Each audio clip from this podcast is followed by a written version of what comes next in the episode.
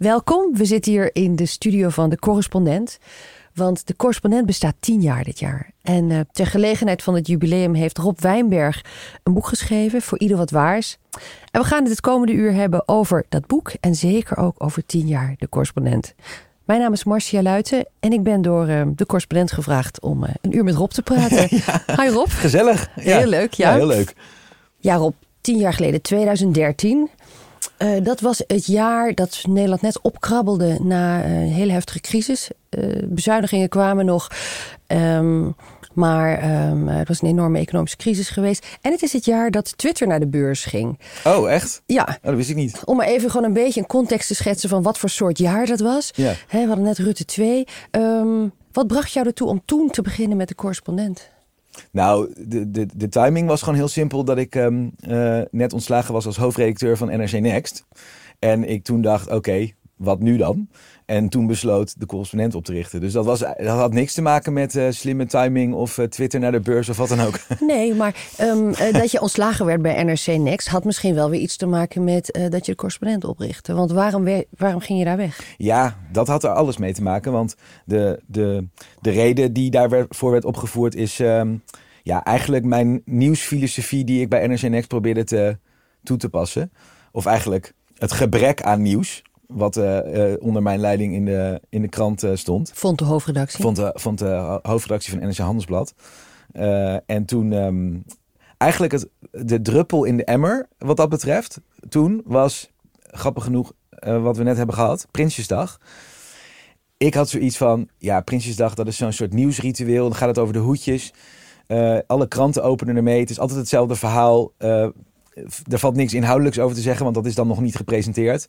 Wij doen dat later wel, om de goede context erbij te geven. Ja, de algemene politieke beschouwingen ja. zijn misschien interessant. Ja, ja, maar dat moet je eerst afwachten voordat je er iets over kan zeggen. Dus wij hadden als enige krant, NRC Next, op die dag geen Prinsjesdag op de voorpagina. Sterker nog, ik weet nog wat we erop hadden. We hadden een verhaal over asielzoekers in Australië. Nou, helemaal voorbij de waan van de dag. Had niks met Prinsjesdag te maken.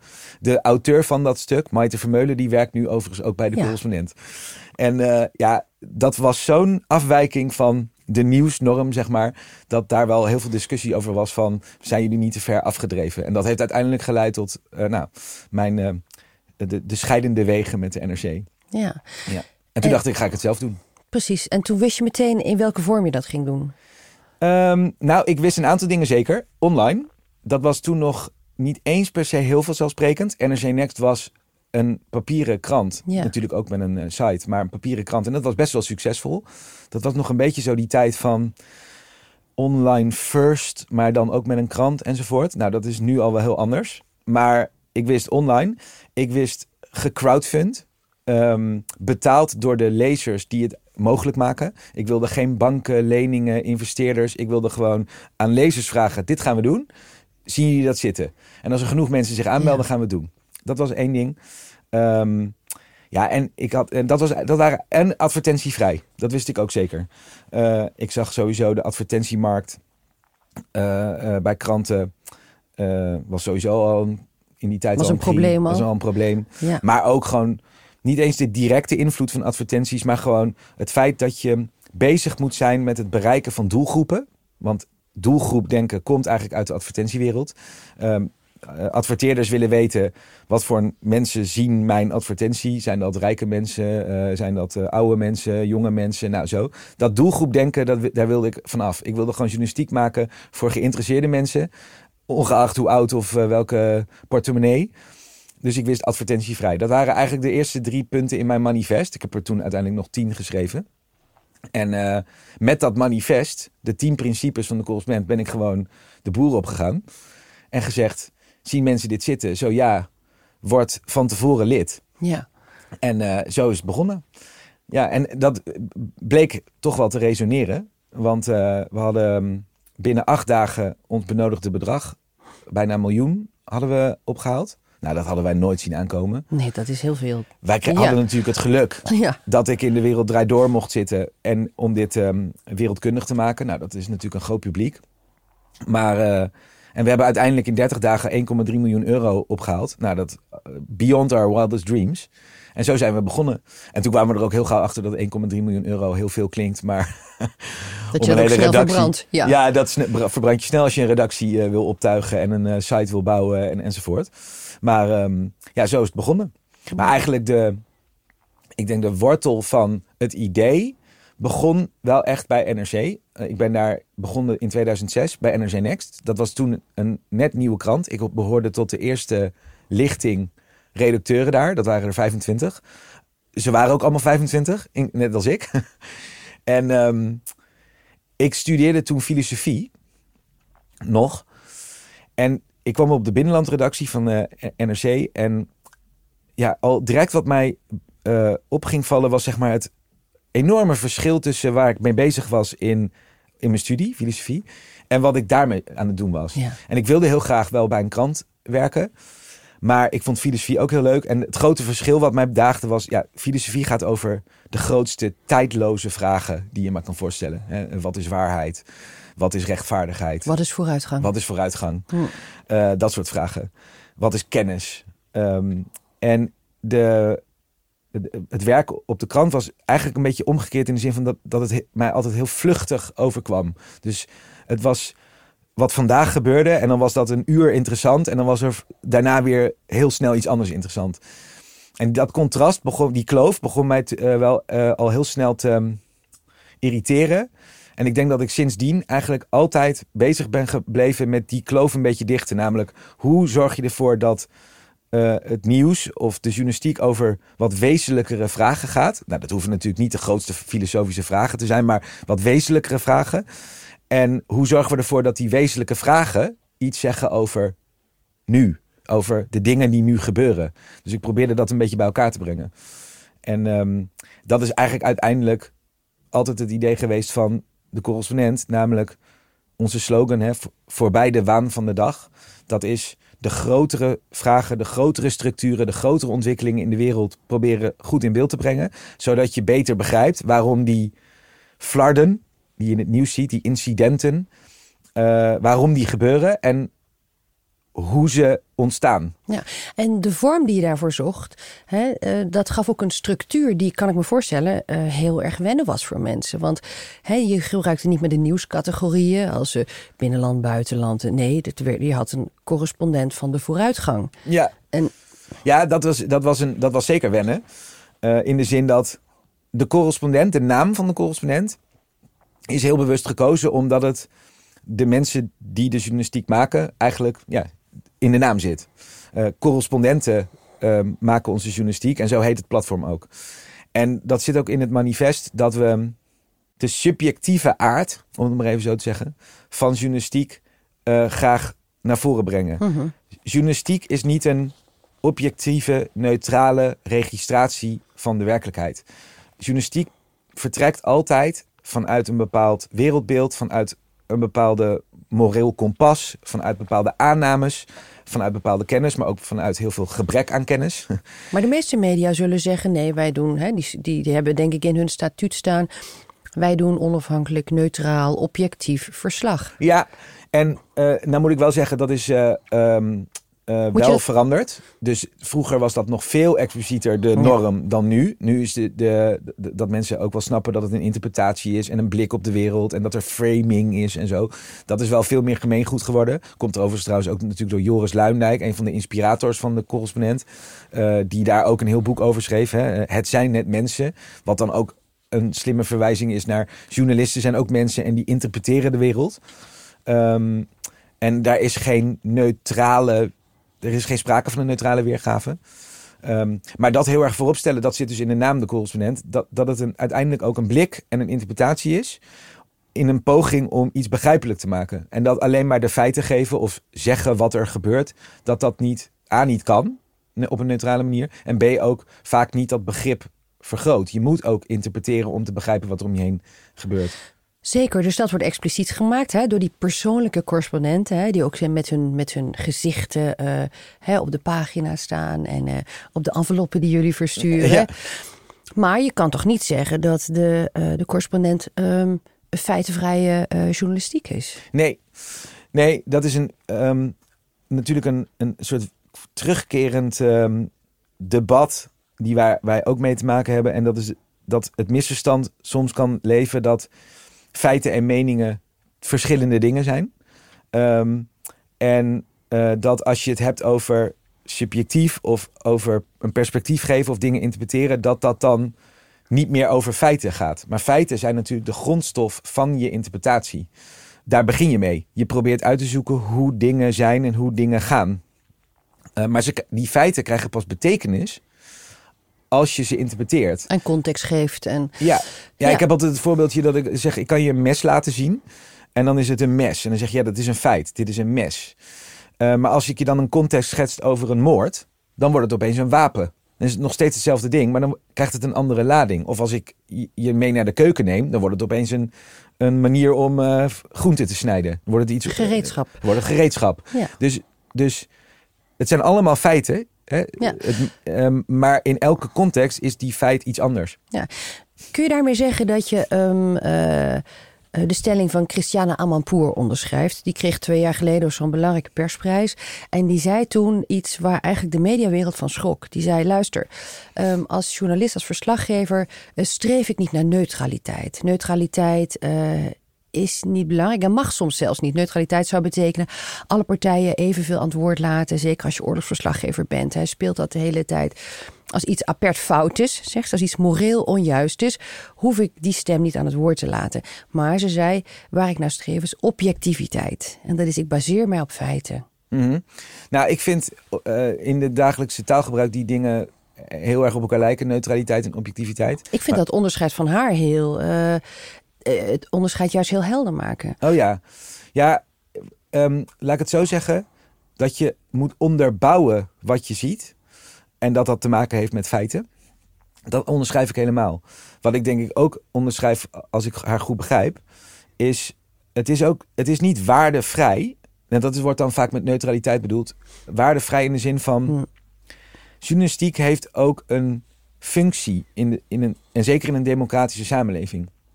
Dus ik vind het niet um, verkeerd van een journalist als hij of zij bijvoorbeeld antidemocratische ontwikkelingen uh, of antidemocratische politieke partijen um, zo over het voetlicht brengt dat je laat zien: dit, is, dit staat haaks op hetgene wat wij ook. Op onze democratische beschermen. rechtsorde. Ja. ja. En ik, ik denk dat, um, dat zie je in Amerika heel erg, dat daar natuurlijk allerlei ontwikkelingen zijn die haak staan op de democratische rechtsorde. En dat als je dan als journalist soort van alleen maar daarnaar gaat kijken van ik breng dit uh, in beeld, want dit gebeurt nu eenmaal en verder niks. Dat je dan je taak als um, onderdeel van die democratische rechtsorde en ook op een bepaalde manier beschermer van die democratische rechtsorde niet, niet vervult. Maar dat is precies wat die CNN-verslaggever ja. Amanpour bedoelt. Hè? Ja.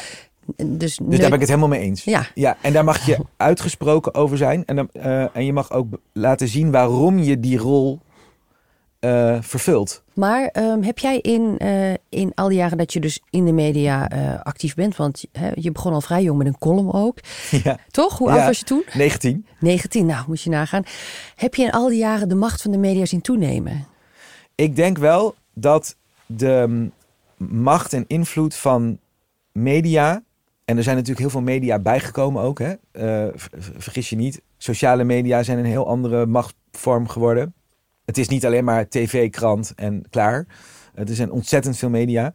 Ook de consumptie ervan. Ik geloof dat nu een gemiddelde westerse volwassene, nou, ik denk bijna acht uur per dag in achter een scherm zit. Nou, niet alles daarvan is mediaconsumptie, maar het gros daarvan wel. Uh, je zit de hele dag op je telefoon. Het is constant, permanent overal aanwezig.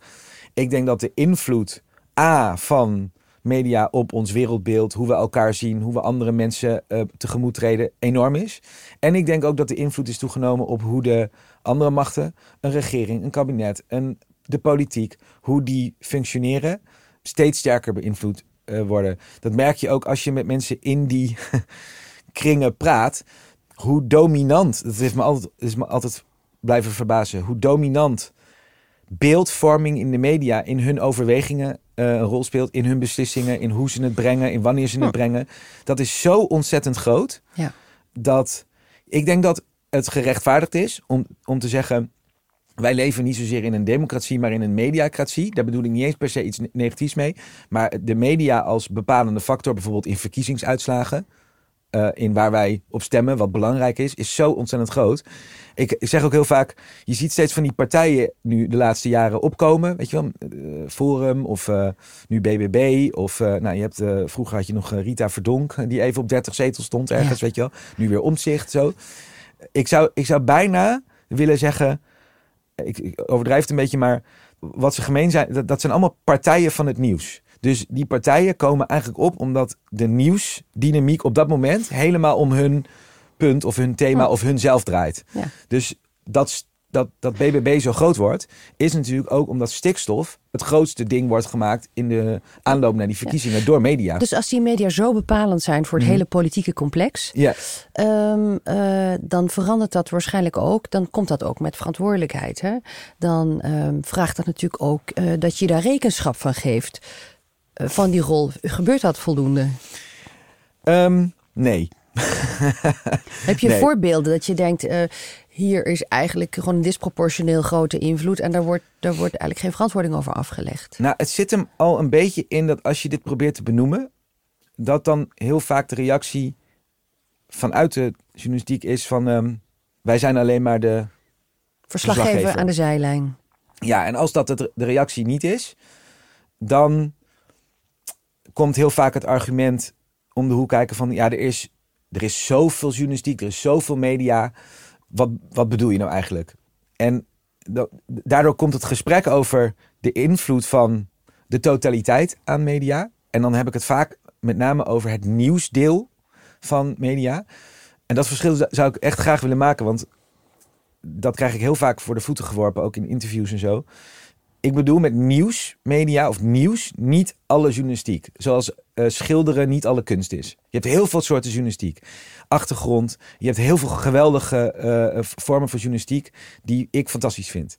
Het nieuwsdeel daarvan, dat is een beetje de voorgrond van de journalistiek. De rest, daarom noemen we de rest volgens mij ook achtergrond. Achtergrondjournalistiek. De voorgrond is, is een belangrijke onderdeel van de journalistiek. Omdat die enorme invloed heeft op onze gesprekken bij het koffiezetapparaat. Maar ook op de soorten debatten die worden gevoerd. Ik, ik geloof dat driekwart van de Kamervragen gebaseerd worden op nieuwsberichten. En als je dan kijkt naar die voorgrond, wat nieuws dan is.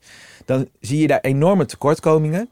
Waar, eh, als, je daar, als je daar dan over begint, vaak van wordt gezegd: ja, ehm, daar kunnen wij niks aan doen. Of eh, bijvoorbeeld ook met televisie hoor je Hoe dan bedoel je, vaak. daar kunnen we niks aan doen? Waaraan niet? Ja, dat is, nou eenmaal, dat is nou eenmaal hoe het werkt. Dus dat, dat de politiek zich weer laat leiden en reageert op wat in de, in de nieuwsmedia verschijnt. Ja, en ook maar wat nieuws wordt gemaakt. Dus Ja. dat, dat vind ik dus ook altijd zo grappig. Dat heb ik altijd grappig gevonden.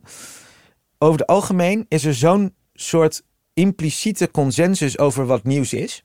Heel veel journalisten zouden nieuws denk ik definiëren iets in de trant van... ehm, je kunt het niet definiëren, maar je ziet het onmiddellijk als je het ziet. Je herkent het Je herkent dus- het ja. onmiddellijk als je het ziet. Ehm, het is datgene wat als soort van als een natuurwet of als vanzelfsprekend de opening van het journaal wordt, eh, de voorpagina van de krant haalt en dan uiteindelijk s'avonds alle talkshows mee openen. Maar nieuws is een constructie. Maar ja, nieuws is een keuze. Nie- Ja. Daar gaan allerlei keuzes aan vooraf. En daarmee wil ik niet zeggen dat al die keuzes verkeerd zijn. Maar het feit dat het keuzes zijn, werpt de vraag op: wat maken wij nieuws? Wa- waar maken wij nieuws van? Eh, en als je dan gaat kijken naar de logica of mechanismen achter die keuzes, dan zie je heel vaak dat ehm, als ik ze zou ontleden, dan zou ik zeggen: nieuws bestaat over het algemeen uit de negatieve, opvallende, zichtbare, ehm, sensationele uitzonderingen op de regel. Dat is eigenlijk mijn neutraalste definitie van nieuws. Die toch inderdaad een, eh, een heel duidelijke eh beeld schetst van wat dat nieuws is. Dus Ja, en incidenteel, negatief. ehm, ja, dus eigenlijk, je ziet allerlei gebeurtenissen, momentopnames, die in zijn totaliteit een plaatje schetsen van de wereld, ehm, eh, die eigenlijk communiceert weer iets wat fout is gegaan. Vandaag is weer iets minder dan gisteren. Je zegt in je boek, eh, nieuwsmedia schetsen de wereld zoals ze doorgaans niet is. Ja, eh, eh, exact. om, en dat klinkt bout, maar dat komt omdat het gaat over de uitzondering, niet over de regel. Dus wat er elke dag gebeurt, is bijna nooit nieuws. Ook bij gratie van het feit dat het elke dag gebeurt. Ehm, mensen gaan elke dag met 8 miljoen naar hun werk. Onderweg krijg je een ongeluk, dat is nieuws. Maar die 8 miljoen die aankomen, dat is geen nieuws. Dat is ook logisch. Ik heb het ook wel eens vergeleken met ehm, eh, het weer. Nieuws is het weerbericht. Dus de temperatuur van vandaag. En wij proberen nieuwswaardige verhalen te maken van het klimaat. En dan bedoel ik dat metaforisch, dus niet het ook van het klimaat als, als uh, fenomeen, maar metaforisch in de zin van je probeert te laten zien wat de grotere structurele ontwikkelingen door die gebeurtenissen heen zijn, als het ware. Nu zei je net, er zijn ook fantastische achtergrondprogramma's in het nieuws. Uh, maken die dan niet dit soort verhalen die jij zocht? Ook. Ook, zeker. Zeker. Die zie je heel veel. En ik zie ook heel veel journalisten die dat geweldig doen. En uh, alleen wat, het, wat, wat in onze samenleving, denk ik, ingewikkeld is. En wat ik daar, waar ik me probeer steeds naar te wijzen, is dat, dat wat daar niet aan voldoet, veel meer invloed uitoefent. Of veel prominenter en groter wordt altijd.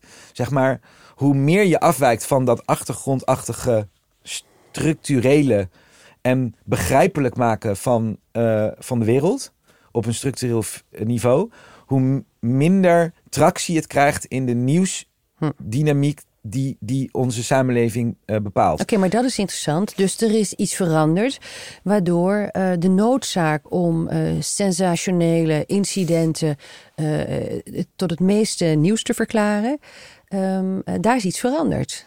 Nou, daar is iets verergerd in mijn optiek. Want um, sociale media en de algoritme achter de sociale media platforms die, waar wij de hele dag op ons schermen mee te maken hebben, die zijn um, bewust ontworpen om dit nog erger te maken. Ik noem ze in mijn boek ophef-algoritmen. En ophef-algoritmen zijn eigenlijk zo ontworpen dat datgene wat de meeste verontwaardiging wekt, wat de meeste woede aanwakkert, wat het meeste je doet uh, grijpen naar je scherm en je, je laptop uh, de lucht in te gooien, die die krijgen de meeste zichtbaarheid in je tijdlijn, de meeste tractie. En die, en die worden trending topic. En die krijgen daardoor dus ook weer meer invloed op het publieke debat. Want daar wordt echt naar gekeken van... Uh, Oké, dit speelt er nu dus. Uh, dus gaan we het hier over hebben en is dit een kwestie? Ja, maar, deze, maar dit mechanisme, mm -hmm. dat is niet nieuw. Hè? Dat, dat, daar zijn eigenlijk de meeste journalisten zich van bewust. Uh, maar is het dan nog mogelijk als zeg maar grote kranten, grote tv-zenders, om je daaraan te onttrekken? Of zeg je eigenlijk is dat een dwingende uh, logica geworden? Nou, ik denk dat het dus eh, moeilijker is uh, geworden. Um, je kunt je daaraan onttrekken, heel bewust. Maar dat betekent dus ook dat je eigenlijk je als medium, als journalistiek medium, en dat doen journalisten ook. En, en kranten. Kranten maken ook vaak andere afwegingen. Maar het probleem is dan dat je gewoon eigenlijk dan min of meer opzettelijk jezelf uit die zichtbaarheid wegmanoeuvreert. Want de, de online zichtbaarheid. Geen, ja, de online zichtbaarheid. En um, ik denk dat journalistiek daar heel veel last van heeft. En wij hebben geen invloed op die algoritmen. Want dat, dat zijn algoritmen die worden uh, zeg maar uh, geproduceerd in Silicon Valley. Die um, beantwoorden aan hele andere logica dan hm. goede journalistiek zou moeten hebben. Ja, maar omdat dit zo'n, um, uh, wat zou ik zeggen, deraillerend effect heeft op de samenleving op allerlei niveaus. Hè, het, het, het verstoort een hele hoop normale processen. Heb ik als columnist wel eens heel naïef gezegd. Eh, sociale media zijn nieuwe publieke ruimte mm -hmm. die geprivatiseerd is, hè? die in, volgens commerciële modellen werkt, want daar zijn die algoritmes op ontworpen. Dus we moeten die nieuwe publieke ruimte toch gaan reguleren. Zeker. Maar kan dat?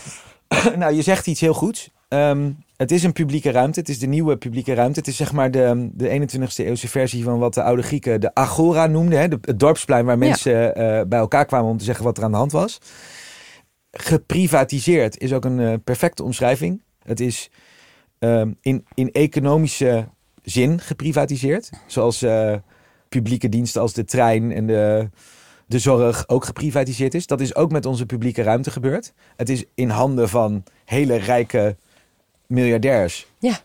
Die in feite um, de hand aan de knop hebben om te bepalen waar ons publieke debat het meest om gaat, het meest om draait. Op basis van hun eigen aandeelhouderswaarde. Ja, ook dat nog. En die ook nog eens, zeg maar, daar alle prikkels hebben om dat de publieke debat te laten draaien om datgene wat hun platforms het meest uh, uitkomt, namelijk uh, engagement, uh, tegenstellingen, dingen die het polariseren, emotie, polariseren mensen verontwaardigd maken over dingen. Ja, en dat, verontwaardigd is echt een belangrijk woord. Ik, heb dat, ik definieer dat in mijn boek als um, verontwaardiging is woede met een kennisgat. Dus je bent boos over iets, maar je weet eigenlijk niet waarom het zo gekomen is. Dus mensen die verontwaardigd zijn, die zeggen dingen als: hoe heeft dit kunnen gebeuren? En dat verraadt niet alleen maar dat ze boos zijn, maar het verraadt ook dat ze niet weten hoe iets heeft kunnen gebeuren. En dat is een heel wezenlijk iets, want ons, ik denk dat ons publieke debat steeds meer om verontwaardiging is gaan draaien. Dat zie je ook in de politiek terug. Maar ik vind het wel een leuke definitie, verontwaardiging met een kennisgat. Maar je kan toch heel goed verontwaardigd zijn, ook als je wel weet hoe iets is gebeurd. Ja. ik bedoel, we zien nu in die toeslagenaffaire, zien we zich ons ontrollen uh, wat er is gebeurd. Ik zou je zeggen dat mijn verontwaardiging met het toenemen van mijn kennis alleen maar toeneemt. Er zijn eh, gevallen waar dat inderdaad het geval is. Dat je alleen maar bozer wordt als je snapt hoe, het, hoe het werkt. Maar heel vaak is het zo, en daar komt weer die blinde vlekken van nieuws om de hoek kijken. Heel vaak is het zo dat als je wel beter begrijpt hoe iets gebeurd is, dat je echt begrip hebt van de onderliggende oorzaken en, en de, de opeenstapeling vaak van samenloop van omstandigheden, dat dan de verontwaardiging daalt, omdat je begrip krijgt en niet eens per se goed praten, dat bedoel ik niet, maar dat je gaat begrijpen waarom iets zo uit de hand heeft kunnen lopen enzovoort. En als je en uh, ik denk dat het nieuws en de algoritme waar dat nieuws dominant in, in wordt, geen baat heeft. Dat is niet iets wat journalisten vinden, hè? maar geen baat heeft bij het kweken van dat soort begrip. Omdat het namelijk de, de de nieuwswaardigheid ook. De nieuwswaardigheid neemt af. vermindert. Ja. Maar geef eens een voorbeeld. Um, of, of je geeft een voorbeeld in het boek. Hè? Ja. Als het gaat over COVID. Hè, dan zeg je um, de enorme kritiek op het uh, COVID-beleid. Wat toch een beetje was building the plane while we're flying it. Hè? Mhm. dus je bent de hele tijd uh, het aanbouwen terwijl de, de pandemie zich onder je uh, handen ontrolt. Uh, dus de verontwaardiging daarover, de ruimte voor complottheorieën. Um, je zet dat mooi af tegen een andere pandemie, of een die niet zo groot werd, de Mexicaanse griep. Ja. Hoe zat dat? Nou, dat is een mooi voorbeeld van inderdaad hoe de dynamiek van nieuws werkt. Tijdens corona waren er nieuwsberichten over in de trant van en met de boodschap: het RIVM hield uh, rampscenario's achter. Dus ze hadden scenario's waarin, dit, waarin voorspeld werd dat dit vreselijk uit de hand zou lopen. En dat is niet met het publiek gedeeld. En dat wordt dan ook gebracht op een onthullende toon. En dat is vaak de ondertoon van nieuws. Is ze hielden het achter. Nou, ik weet zeker dat het RIVM toen moet hebben gedacht aan de Mexicaanse griep, tien jaar eerder. Toen ze die worst case scenario's wel deelden, daar enorme ophef over ontstond. Van, oh, dit kan helemaal uit de hand lopen. Er toen voor 140 miljoen euro aan vaccins is ingekocht. En het uiteindelijk meeviel. uh, want de Mexicaanse griep werd niet zo'n grote pandemie. En toen uh, het verwijt in, in, in de media was... ze maken ons bang met rampscenario's. Daarom hebben ze uh, in, in die tweede instantie die scenario's niet publiekelijk gedeeld. Um, niet om het achter te houden, maar omdat ze niet wilden uh, angst, dezelfde verwijt wilden krijgen van angstzaaierij ja. over rampscenario's. Um, uh, die ze daarvoor hadden gekregen. En dit is een heel mooi voorbeeld van, van wat ik baseline-loze journalistiek noem. Je bent over twee tegenovergestelde dingen, ben je even verontwaardigd. Dus als je het wel deelt en het pakt minder erg uit dan je voorspelt, dan word je angstzaaierij van beticht. Ja. Deel je het niet omdat je de angst, angst omdat je niet mensen wil bang maken over iets waarvan je niet weet of het zich ontvouwt. Dan heb je het onder de pet dan gehouden. heb je het onder de pet gehouden. En zo heeft een. Kan zo'n instituut kan het niet goed doen. Het is niet goed of het deugt niet. Nee, en dat komt omdat de onderliggende framing in het nieuws eigenlijk beklaagt in alle richtingen. Ja. Dus de ene kant op of de andere kant. En dit is trouwens ook de onderliggende dynamiek in de toeslagenaffaire. Want de toeslagenaffaire begon met hele grote ophef over fraude met toeslagen door Bulgaren. Later de, de Bulgaren fraude uh, geheten. Ja. Die als je zag om hoeveel geld dat ging, dat ging om ongeveer 3,9 miljoen euro op een toeslagenstelsel van 60 miljard. Nou, dat is 0,0006 procent van het toeslagenstelsel. Oh, helemaal niet. Maar de, precies, helemaal niets. Sterker nog, je kunt niet eens dat soort fraude uitbannen op zo'n groot stelsel. Daar werd enorme gewacht van gemaakt. In eerste instantie in de, in de, in de, pers. In de pers. En daarna dus ook in de Kamer. Ook alle serieuze journalisten. Serieuze journalisten, eh, grote media. En ook dus Kamerfracties. Want dat is een dynamiek. Dit is niet alleen maar de journalist die doet. De Kamer gaat dit overnemen. En de Kamer gaat maatregelen eisen. Ze gebruikt hele grote woorden. Hè? Dus uh, deze fraude moet met de wortel en tak worden uitgeroeid, zeg maar. Die ophef uh, over zo'n klein, eigenlijk in relatief heel klein iets, leidde tot de zero tolerance aanpak van fraude, die uiteindelijk leidde tot de toeslagenaffaire. En dat begint dus bij die soort van aanklacht zonder baseline. Is dit zo groot dat het zoveel ophef verdient? Of is het in het licht van de omvang van het toeslagenstelsel kleiner, moeten we dat kleiner een, maken? Een, een marge die je moet accepteren om het systeem draaiende te houden. Exact. En dit soort omdat dit, dit soort baselines in, de, in het nieuws heel vaak ontbreken, krijg je dus ironisch genoeg, daar is de toeslagenaffaire een fantastisch voorbeeld van. Eerst heel veel verontwaardiging over fraude met toeslagen. En vervolgens tien jaar later, nadat die ophef soort van gestold is in keiharde wetgeving, want laat daar geen misverstand over bestaan. Daar werd echt met, ja. uh, met een um, ruksigloos, ja. Uh, aangemoedigd ook hè, door die door die, door die fracties en door, uh, door de, de aandacht die dat kreeg. En er werd ook een soort van aangemoedigd hè, in, in het nieuws van er moet iets aan gedaan worden, er moet iets aan gedaan worden. Het ging ook niet meer om feiten, maar om onderbuikgevoelens. Heeft Kamp gewoon voor die commissie uh, toegegeven. Exact. Ja. En het gaat over beeldvorming. Dus, dus ja. hier, hier, zie je de beeldvorming een enorme rol spelen. Je kunt dan ook niet meer zeggen van nou laten we dat maar niet doen. Want nou, het grappige is, er is dus één hoofdrolspeler in deze hele uh, episode die dit heeft gezegd. En die is weggestuurd met een motie van wantrouwen. Dat was de staatssecretaris destijds. Die die zei de profetische, ja, die zei de profetische woorden: als we dit gaan doen, wat we nu voorstellen, dan zullen de goede onder de kwade lijden. Want die maatregelen waren zo verstrekkend dat het niet meer alleen de fraude ging bestrijden, maar eigenlijk iedereen ging raken. Dat heeft hij voorspeld. Daar is hij om weggestuurd. Van, hij nam het probleem niet serieus. Hè. Dat wordt dan als bagatellisering ja. afgeschilderd. Ja. En dat heeft uiteindelijk, nou ja, is dat uitgemond in een affaire waar al die hoofdrolspelers, grappig genoeg, in 180 graden gedraaid nu, logisch, hè, uh, net zo verontwaardigd waren over het wantrouwen van de overheid, dat ze eigenlijk in eerste aanleg eigenlijk hebben ge aangevraagd. Tien jaar, tien jaar eerder werd letterlijk om dat wantrouwen gevraagd. Ja, le letterlijk. Ja. Er, er, moet een virulent wantrouwen uh, uh, komen naar dit soort fraudeurs. Waardoor ook uiteindelijk natuurlijk PvdA-ministers, denk aan Lodewijk Asscher op sociale zaken, ja.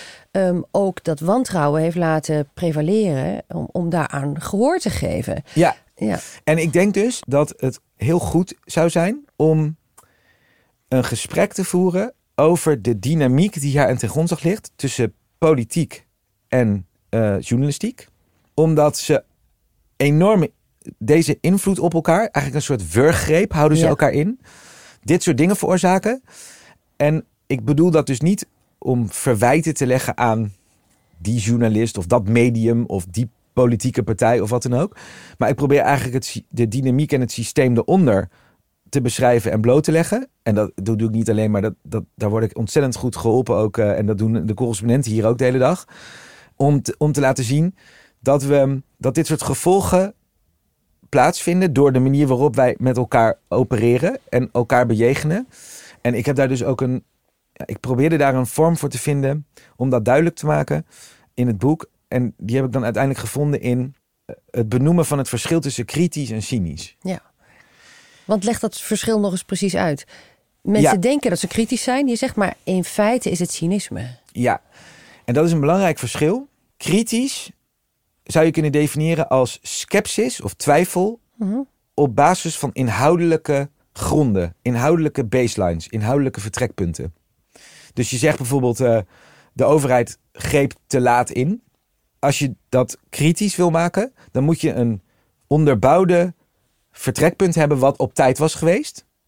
Uh, en of op tijd ook mogelijk was geweest. En of dat had, tot de mogelijkheden had, Hmm. had behoord om, om op tijd te reageren. Als je die baseline weglaat en je, je, je hebt geen vertrekpunt van dit was had gekund. Dit was een mogelijkheid geweest en die hebben ze niet genomen en ze wisten het.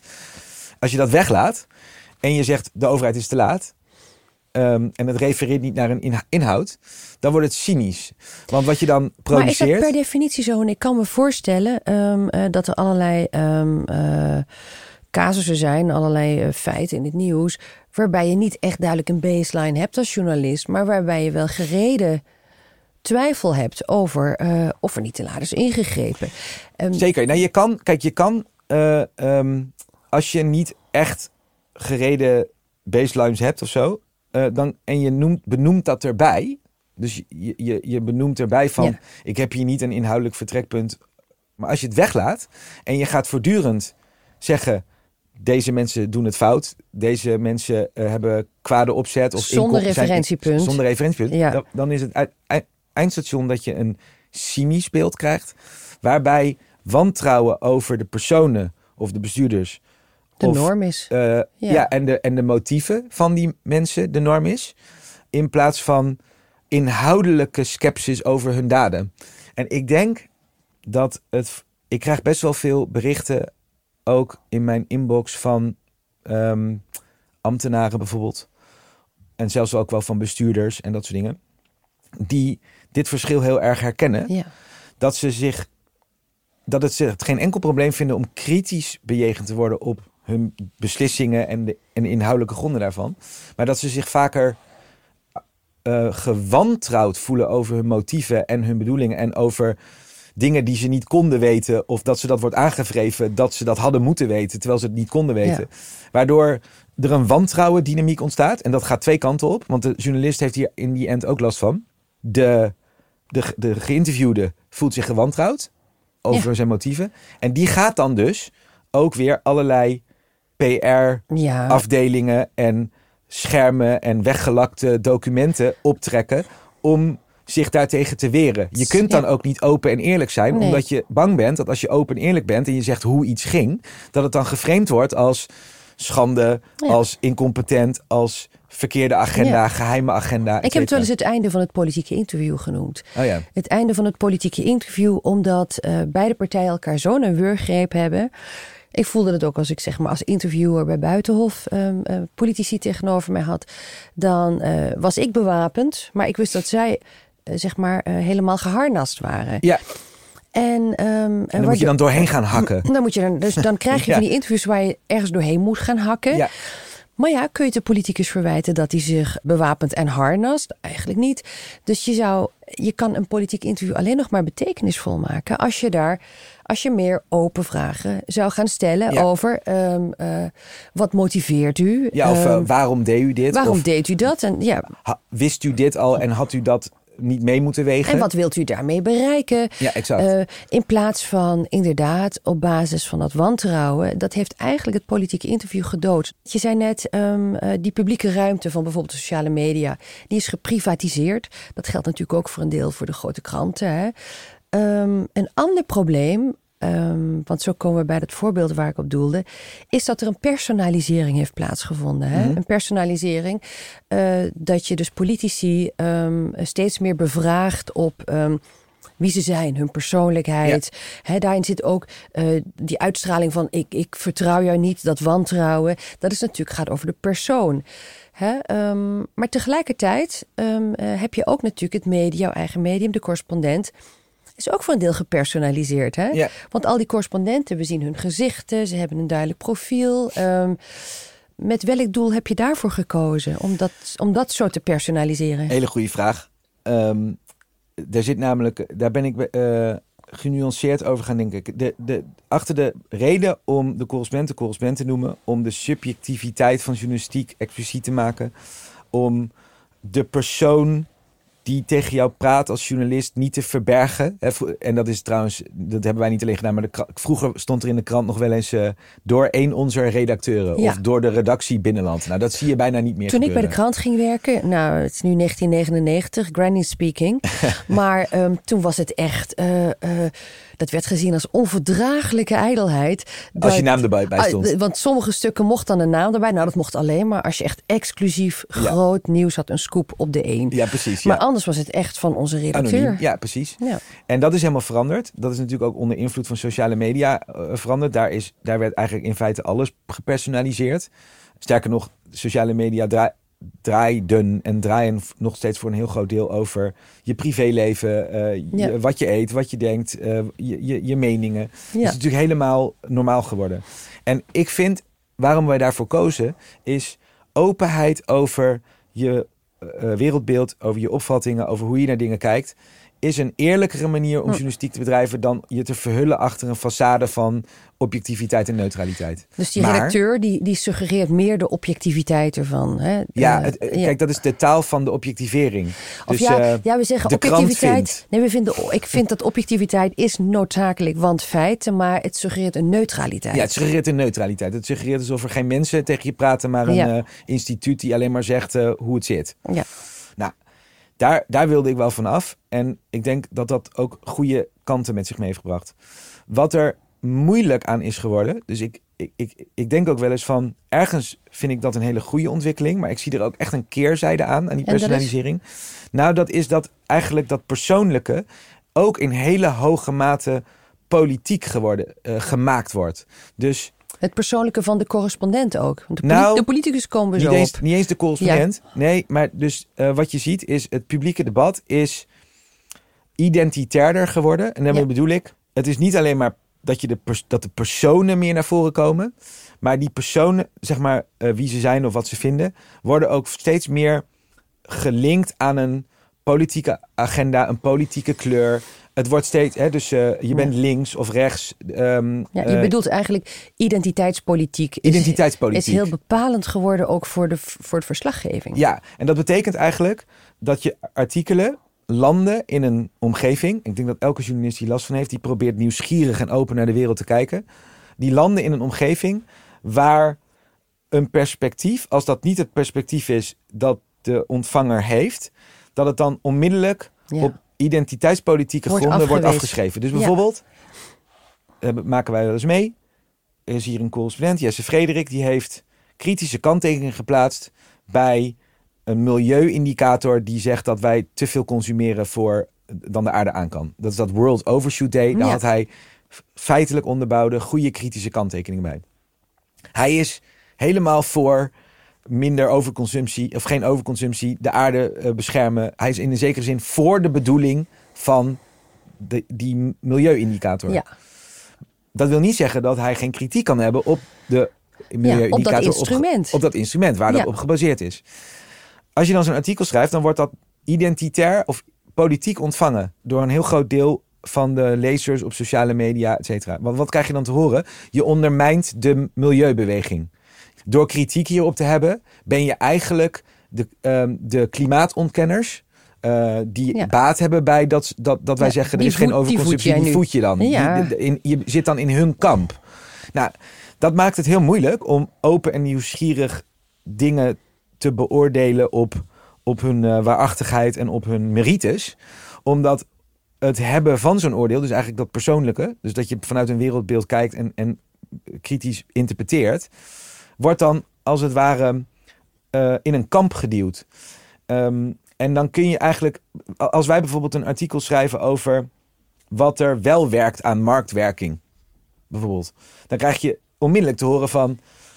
wa- Wat, wat zijn ze, de, het VVD-partijprogramma aan het. eh, Is de aan het, correspondent eh, van het pad af? het ja. van het pad af? Of Ja.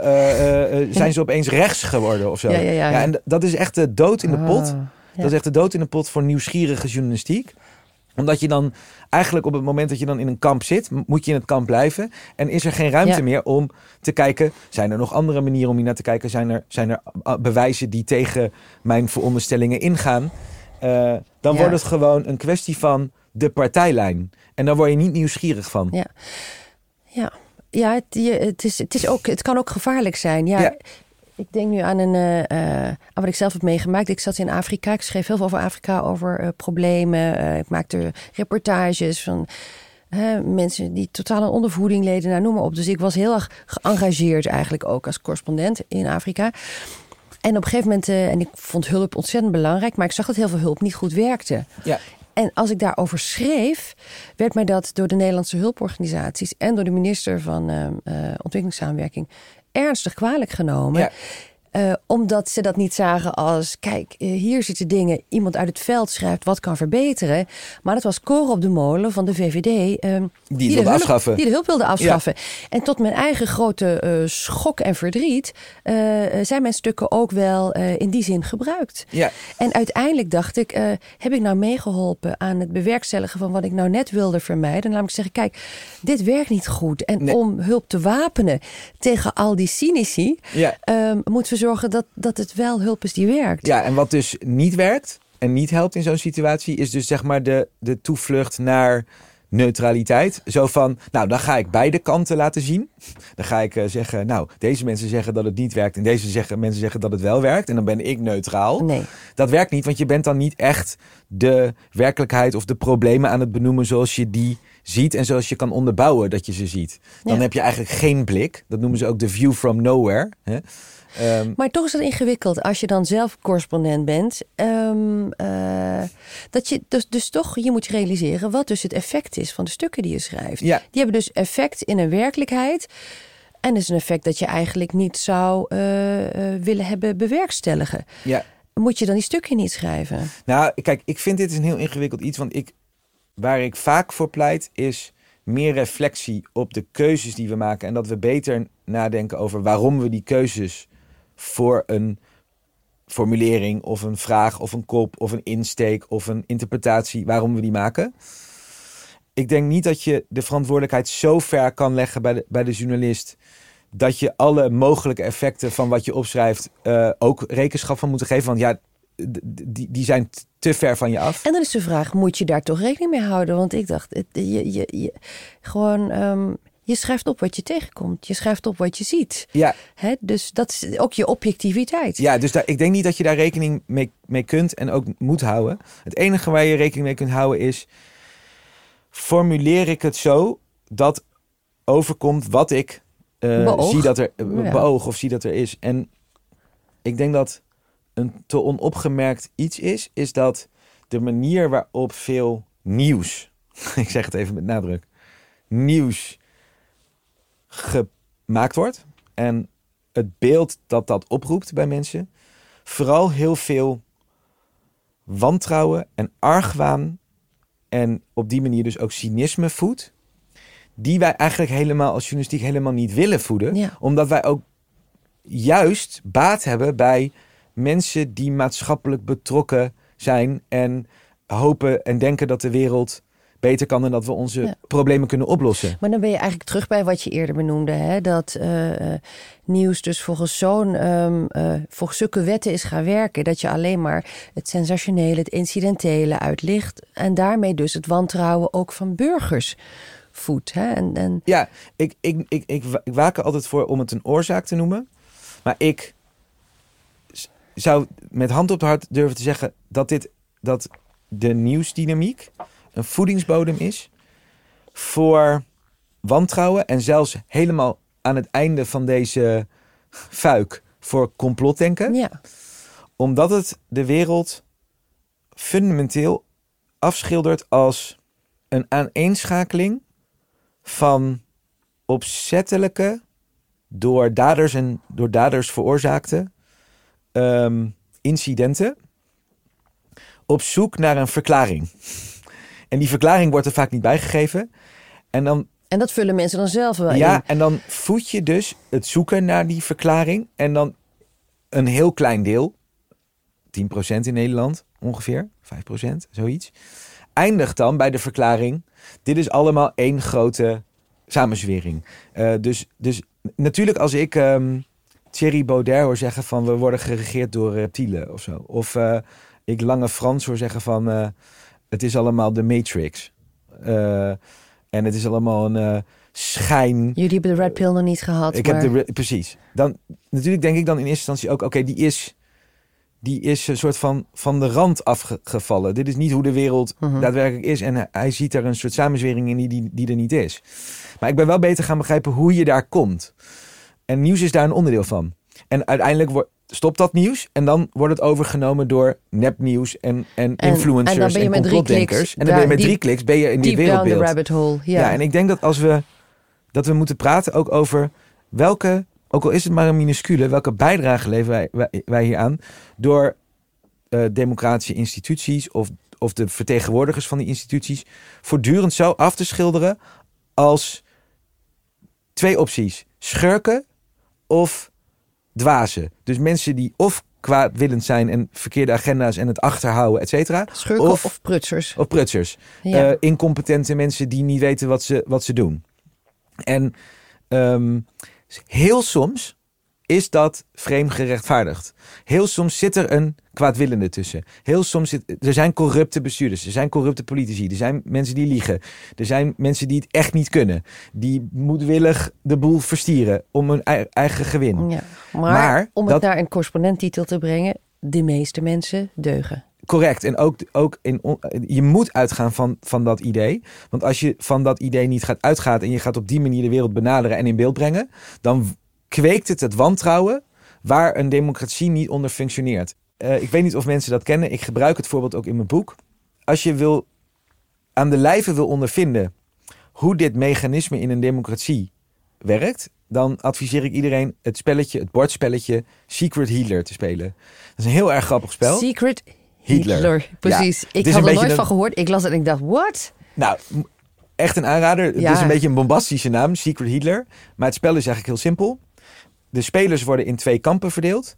De fascisten en de democraten. En eh, je kunt winnen door jouw wetten, dus de fascistische wetten of de democratische wetten op tafel te leggen. En wie het eerste het bordspel, bordspel vol heeft, het bord vol heeft met zijn wetten, wint. En er zijn een paar regels. Eén, de democraten zijn altijd in de meerderheid in het spel. En de fascisten altijd in de minderheid. En omdat de wetten op tafel worden gelegd door een democratische procedure, waarbij de meeste stemmen gelden, zou in principe de democraten altijd moeten, winnen, winnen, want ja. ze zijn de meerderheid. Het enige nadeel dat de democraten hebben, is dat ze niet van elkaar weten wie de democraten zijn, terwijl de fascisten, zo zit het spel in elkaar, wel van elkaar weten wie wie is. Dus de fascisten weten wie bij hun hoort en wie de democraten zijn die ze moeten verslaan. De democraten weten van niks. Door deze opzet van het spel krijgen de democraten in het spel een enorme prikkel, een enorme bonus om eerlijk te zijn en de waarheid te spreken over wat ze beogen. Want ze moeten namelijk aan die andere democraten Duidelijk maken. duidelijk maken, ik ben democraat. Maar elke fascist zal ook proberen. De fascist heeft een prikkel natuurlijk om zijn intenties aan het bord, op het bord Te te verhullen. Dus Ja. die gaat liegen. Maar, en dat vond ik een ongelooflijk inzicht tijdens dit spel, ze hebben een betere manier om te winnen dan om te liegen over hun intenties. En dat is door wantrouwen en argwaan te voeden en te kweken bij de democraten. Dus onderling. Dus niet over hun, maar zolang de democraten argwaan en wantrouwen voelen over elkaar, hebben zij eigenlijk vrij spel. Dan let niemand op hun. En dit is precies hoe populisme eh, in, een, ehm, eh, in een democratie ook werkt. De leugens zijn een middeltje. Dus eh, er wordt, eh, de, de onwaarheden die dan journalisten gaan factchecken van populisten. Van dit klopt niet, dit klopt niet. Dat is een onderdeel ervan. Maar eigenlijk is een veel effectievere strategie om argwaan en wantrouwen te voeden Ja. over de democratische instituties en hun vertegenwoordigers. Dus er is een hele goede reden waarom Trump en Baudet en dat soort politici De Voortdurend- de rechters en de pers aanvallen. Ja. fake news, eh, wetenschappers zijn vooringenomen, kunstenaars hebben een ag- agenda. ehm, de, de rechters zijn niet te vertrouwen, die, die, die zijn politiek gemotiveerd. Zij zijn de hele tijd de fundamenten van de rechtsstaat en de democratie aan het aanvallen om wantrouwen en argwaan te kweken. En daarop bestaat hun machtsbasis. Want zolang Ja. maar zolang de meerderheid elkaar vertrouwt, en daarom is de meeste mensen deugen wat dat betreft een goed uitgangspunt. Niet omdat wij optimisten willen zijn, of omdat we positief willen zijn naar mensen, maar omdat als je dat uitgangspunt niet koestert, dan krijg je dus wat de democraten in dat spel krijgen. Ze geloven elkaar niet. Ze, denk, ze zijn in de meerderheid, maar ze weten van elkaar niet dat ze de meerderheid zijn. En daarom krijgen dit soort krachten alle ruimte. En dat zie je denk ik in Amerika verschrikkelijk aan de Ja. hand. Ja. Daar wa- wantrouwt iedereen elkaar en dat, dat wordt enorm gevoed door de media. En ik zeg niet dat we daar zijn, wij zijn daar vrij ver van af. Dat komt door allerlei dingen. Wij zijn een veel socialer land eh, met veel meer sociale zekerheid, met een publieke omroep. Nou, meer gelijkheid en zo. Dus alle ingrediënten zijn hier beter. Maar ik probeer daar de vinger op te leggen. Dat, het wel hetzelfde zaadje is. Ja, dat, als Ja. Je, dat, dat het hetzelfde zaadje is. En dat je onbedoeld, als je de hele tijd gaat. De, eh, je politiek en je bestuur en je kamer en weet ik veel wat gaat, ga- gaat bejegenen als waarom moeten we u geloven? Eh, dus een soort, uit een soort bazaal wantrouwen in plaats van uit een soort bazaal vertrouwen totdat het tegendeel bewezen is. Dat je dat zaadje eigenlijk plant die je in de Verenigde Staten nu echt ja, als een soort cactus Ja, ziet exploderen. en bloeien, ja. En dat zou ik niet willen en dat is ook niet nodig in Nederland. Nee. Want dat, zo werkt onze democratie niet. Ook al Nee. produceert ze heel veel verkeerds. En ook is er heel veel om kritisch op te, op te zijn. Dat is niet hoe onze samenleving in elkaar zit. Ja, en dat is eigenlijk in een kort bestek hè, de, echt wel de dragende boodschap van dit boek. Nog Ja. even naar ehm, eh, eh, de correspondent, hè, tien jaar correspondent. Ehm, je noemde al Amerika. Op een gegeven moment heb je de correspondent eh, naar Amerika gebracht en werd het de correspondent. Ja, Ehm, dat werd geen langjarig project. Nee. mis. nee, dankjewel. Nee, dat werd, het werd een vrij kortdurend project. Ja. Ja. Nou, we hebben, eh, ja, we, ehm, eh, we wilden uitbreiden naar het Engels. Om de simpele reden dat ik dacht, deze kwaal die wij proberen met onze journalistiek eh, Ja. te verhelpen, Die zie ik daar, overal terug. die is daar veel erger. Nou, die is daar veel erger, Ja. maar die is eigenlijk in, in bijna elke land is hij een beetje hetzelfde. En in het Engels ja, kun je de impact maken die, die je in, in het Ja. Nederlands natuurlijk niet Ja. kunt maken. Wij waren niet per se bezig met het oprichten van de correspondent in Amerika. We wisten wel dat we de campagne ehm, daar wilden voeren om de crowdfunding eh, eh, te, te organiseren, waarmee we het startkapitaal konden ophalen om dit te beginnen. We wilden 2,5 miljoen dollar ophalen. En we deden dat in Amerika. één, omdat we goede contacten hadden daar. Eh, professor Jay Rosen, een van onze inspiratiebronnen, werkte daar aan de New York University. Heeft ons heel erg geholpen. Ehm, die zat ook in de Daily Show van Trevor Noah te vertellen over waarom die dit deed. En dat was één reden. En de tweede reden is ja, als je een Engelstalig platform, dan moet je een Engelstalig gebied hebben waarop je soort van kan zeggen: dit is het idee. Als je dat in, in, in, soort van Europa organiseert, wie spreek je dan aan? Moet je dan campagnes in 15 landen organiseren? Of eh, ja, hoe doe je dat? Dus de, de eenheid van het land was een belangrijke manier om de campagne te kunnen ont- ontvouwen. Wij hebben toen later pas bedacht. Waar gaan we dit eigenlijk doen? gaan we daar zitten? Gaan we hier zitten? Eh, want het is Engelstalig. Het was Ja. niet per se het idee dat het, dat het Amerikaans, was. ja. En toen hebben we uiteindelijk besloten om, het, ehm, eh, om onze Engelstalige redactie hier in Nederland te vestigen. Wij dachten, nou, mooie kruisbestuiving met de correspondenten hier. Eh, dat kan alleen maar meer voordelen opleveren. En dat werd toen totaal tot onze verrassing ontvangen als een soort... Hè, jullie hebben hier geld opgehaald en nu vertrekken jullie weer. Een soort scam, een soort oplichterij Ja, van... ja. Jullie vragen eh, geld van Amerikanen om dit op te richten. En nu doen jullie dat ergens anders. Jullie zijn vandoor met het geld eigenlijk. Dat was het, dat was het, het gevoel. Nou, toen heb ik voor het eerst eh, ehm, aan de lijve ondervonden wat het is om gewantrouwd Ja. te worden. Toen was je zelf eh, Toen was ik zelf de oplichter, als het ware. in, in die media. Ja. Ja. en je kunt dan in zo'n wantrouwende sfeer bijna niet meer uitleggen of over het voetlicht brengen welke samenloop van omstandigheden, welke onbedoelde gevolgen, welke domme gedachten of fouten die je hebt gemaakt of verkeerde uitspraken die je hebt gedaan, hoe dat allemaal per ongeluk tot stand is gekomen, ehm, eh, eh, hoe dat is gegaan. Want je wordt gewoon niet geloofd. En heb je uiteindelijk nooit één eh, nummer daar uitgebracht? Nou, wij zijn uiteindelijk eh, een jaar lang eh, in het Engels gaan publiceren vanuit hier. Ehm, eh, dus het, de corres- die correspondent heeft gewoon bestaan. En dat hebben we een jaar gedaan. En toen moesten de 55.000 mensen die ons de crowdfunding hadden mogelijk gemaakt, Ja. die moesten vernieuwen. Jammer genoeg hebben we niet genoeg mensen kunnen overtuigen om te blijven. En daardoor is het gestopt. Het is dus niet gestopt om, vanwege dit, eh, deze rel, zeg Nee. maar. We hebben het wel degelijk gedaan. Maar het jaar... bleek gewoon veel, ja. te- veel moeilijker om zoiets te, te, te, te runnen dan wij van tevoren hadden gedacht. Hm. Dit was gewoon weer zo'n naïef eh, idee. Ja. Maar goed, wat duidelijk is, is dat je, eh, je durft groot te dromen. Hè? Het oprichten van de correspondent was iets, iets nieuws en groots. De correspondent ook. Nou, dat, dat werkte niet helemaal. Ehm, nu ben je tien jaar verder. wat is nu je droom? Wat, waar ben je nu naartoe? Hele goede vraag. Ik denk dat waar ik het meest trots op ben van de afgelopen tien jaar, en dat, om, daarom is het ook zo'n belangrijk thema in het boek, is dat wij niet cynisch zijn geworden over de wereld en ook nooit journalistiek vanuit dat cynisme zijn gaan bedrijven. Ehm, ondanks dat er heel veel redenen elke dag voor je voeten worden geworpen om dat wel te zijn. Ik, ik zie natuurlijk de wereld ook om me heen. Ja, uh, vroeger, een tien jaar geleden, was kunstmatige intelligentie nog een hele grappige uh, schaakcomputer. Nu uh, vragen mensen zich af of het de mensheid niet schaakmat gaat zetten, zeg maar.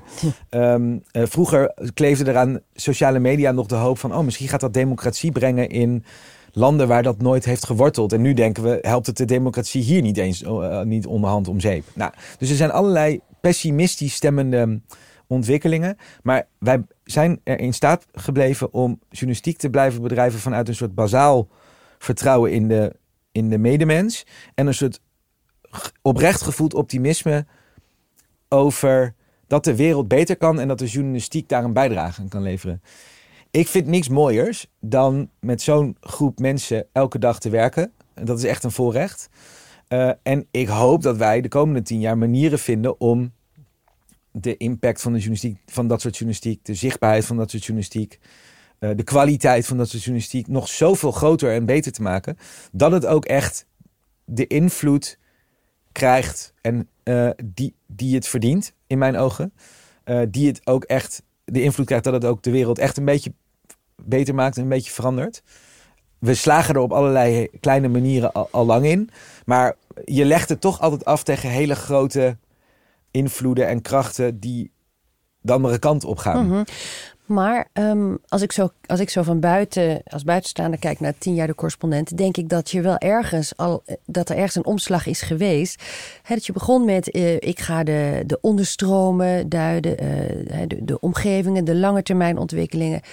En dat er ergens, en misschien is dat het boek van Rutger Bregman geweest, De meeste mensen deugen, zie je dat, het, dat, je, um, uh, je eigenlijk, dat je eigenlijk in het gat stapt van er is geen, er is geen groot uh, toekomstbeeld, er is geen visie.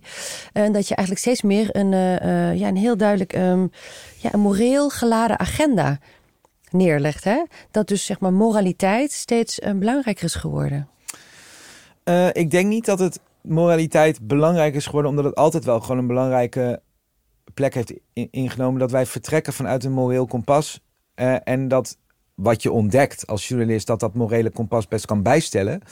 Uh, als je maar een kompas blijft houden. Dus ik denk niet dat dat belangrijk is geworden. Het is wel zo dat ik, dat ik denk dat wij gaandeweg scherper op het netvlies kregen.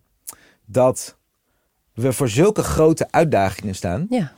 Um, en er zoveel moet veranderen om die uitdagingen aan te kunnen. Ik bedoel, klimaatverandering is er één van. En dat is nog niet eens misschien de grootste. Het is een onderdeel van nog veel grotere planetaire crisis, crisis die, waar we in zitten. En dat er zoveel voor nodig is om daar als mensheid en als wereld het hoofd aan te bieden. Eigenlijk moet onze hele economische motor, uh, onze hele beschaving, bij, bij wijze van spreken, moet opnieuw uitgevonden worden. Ja, je zegt het heel mooi in het boek. Hè? Je zegt, de verbrandingsmotor van onze fossiele economie die moet worden onttakeld. Ja, en, vervangen door iets anders. Terwijl we er uh, zeg maar, uh, het is alsof je een, inderdaad een vliegtuig uh, demonteert terwijl je in, in, de lucht, in de lucht moet blijven. Zit. Ja. ja. dat is ontzettend ingewikkeld. En ik denk wel dat, dat de um, omvang en van dat probleem en die uitdaging is wel langzaam maar zeker inge, steeds, daalt steeds meer in. En dat vraagt dan misschien ook op journalistiek die ook nog meer op zoek gaat naar hoe dan? Hoe, hoe, hoe doen we dit op een manier die democratisch is? Ik, ik, bijvoorbeeld onze correspondent Klimaat Jelmer Mommers, die zat in de eerste jaren van zijn correspondentschap vooral te worstelen met de vraag: hoe krijg ik uitgelegd? Hij heeft ook een boek geschreven, hoe gaan we dit uitleggen? Ja. Dat klimaatverandering echt een heel groot probleem is. Nu worstelt hij inmiddels met de vraag: hoe krijg ik over het voetlicht dat dit nog steeds opgelost kan worden? Ja. ja. um, en ja, je, je ziet in, aan die kentering een beetje de kentering, denk ik, ook in onze journalistiek. Ja, maar dat hoe doe je dat? Dat bedoelde ik. Dat je steeds meer ook perspectieven geeft voor uh, hoe doe je dat. Hey, net zoals jouw boek, uh, wat eigenlijk een, een, een deconstructie is van wat de waarheid ooit was. Maar dat je op het einde toch probeert uh, om hoop te geven als, want je zegt de waarheid kan ook iets zijn eh, wat ons kan verbinden. Zeker. Misschien is dat mooi uh, tot slot. Uh, hoe kan dan die waarheid ons wel gaan verbinden in plaats van ons volledig tegen elkaar uit te spelen? Een hele goede vraag. Laat ik proberen zo kort en bondig te antwoorden.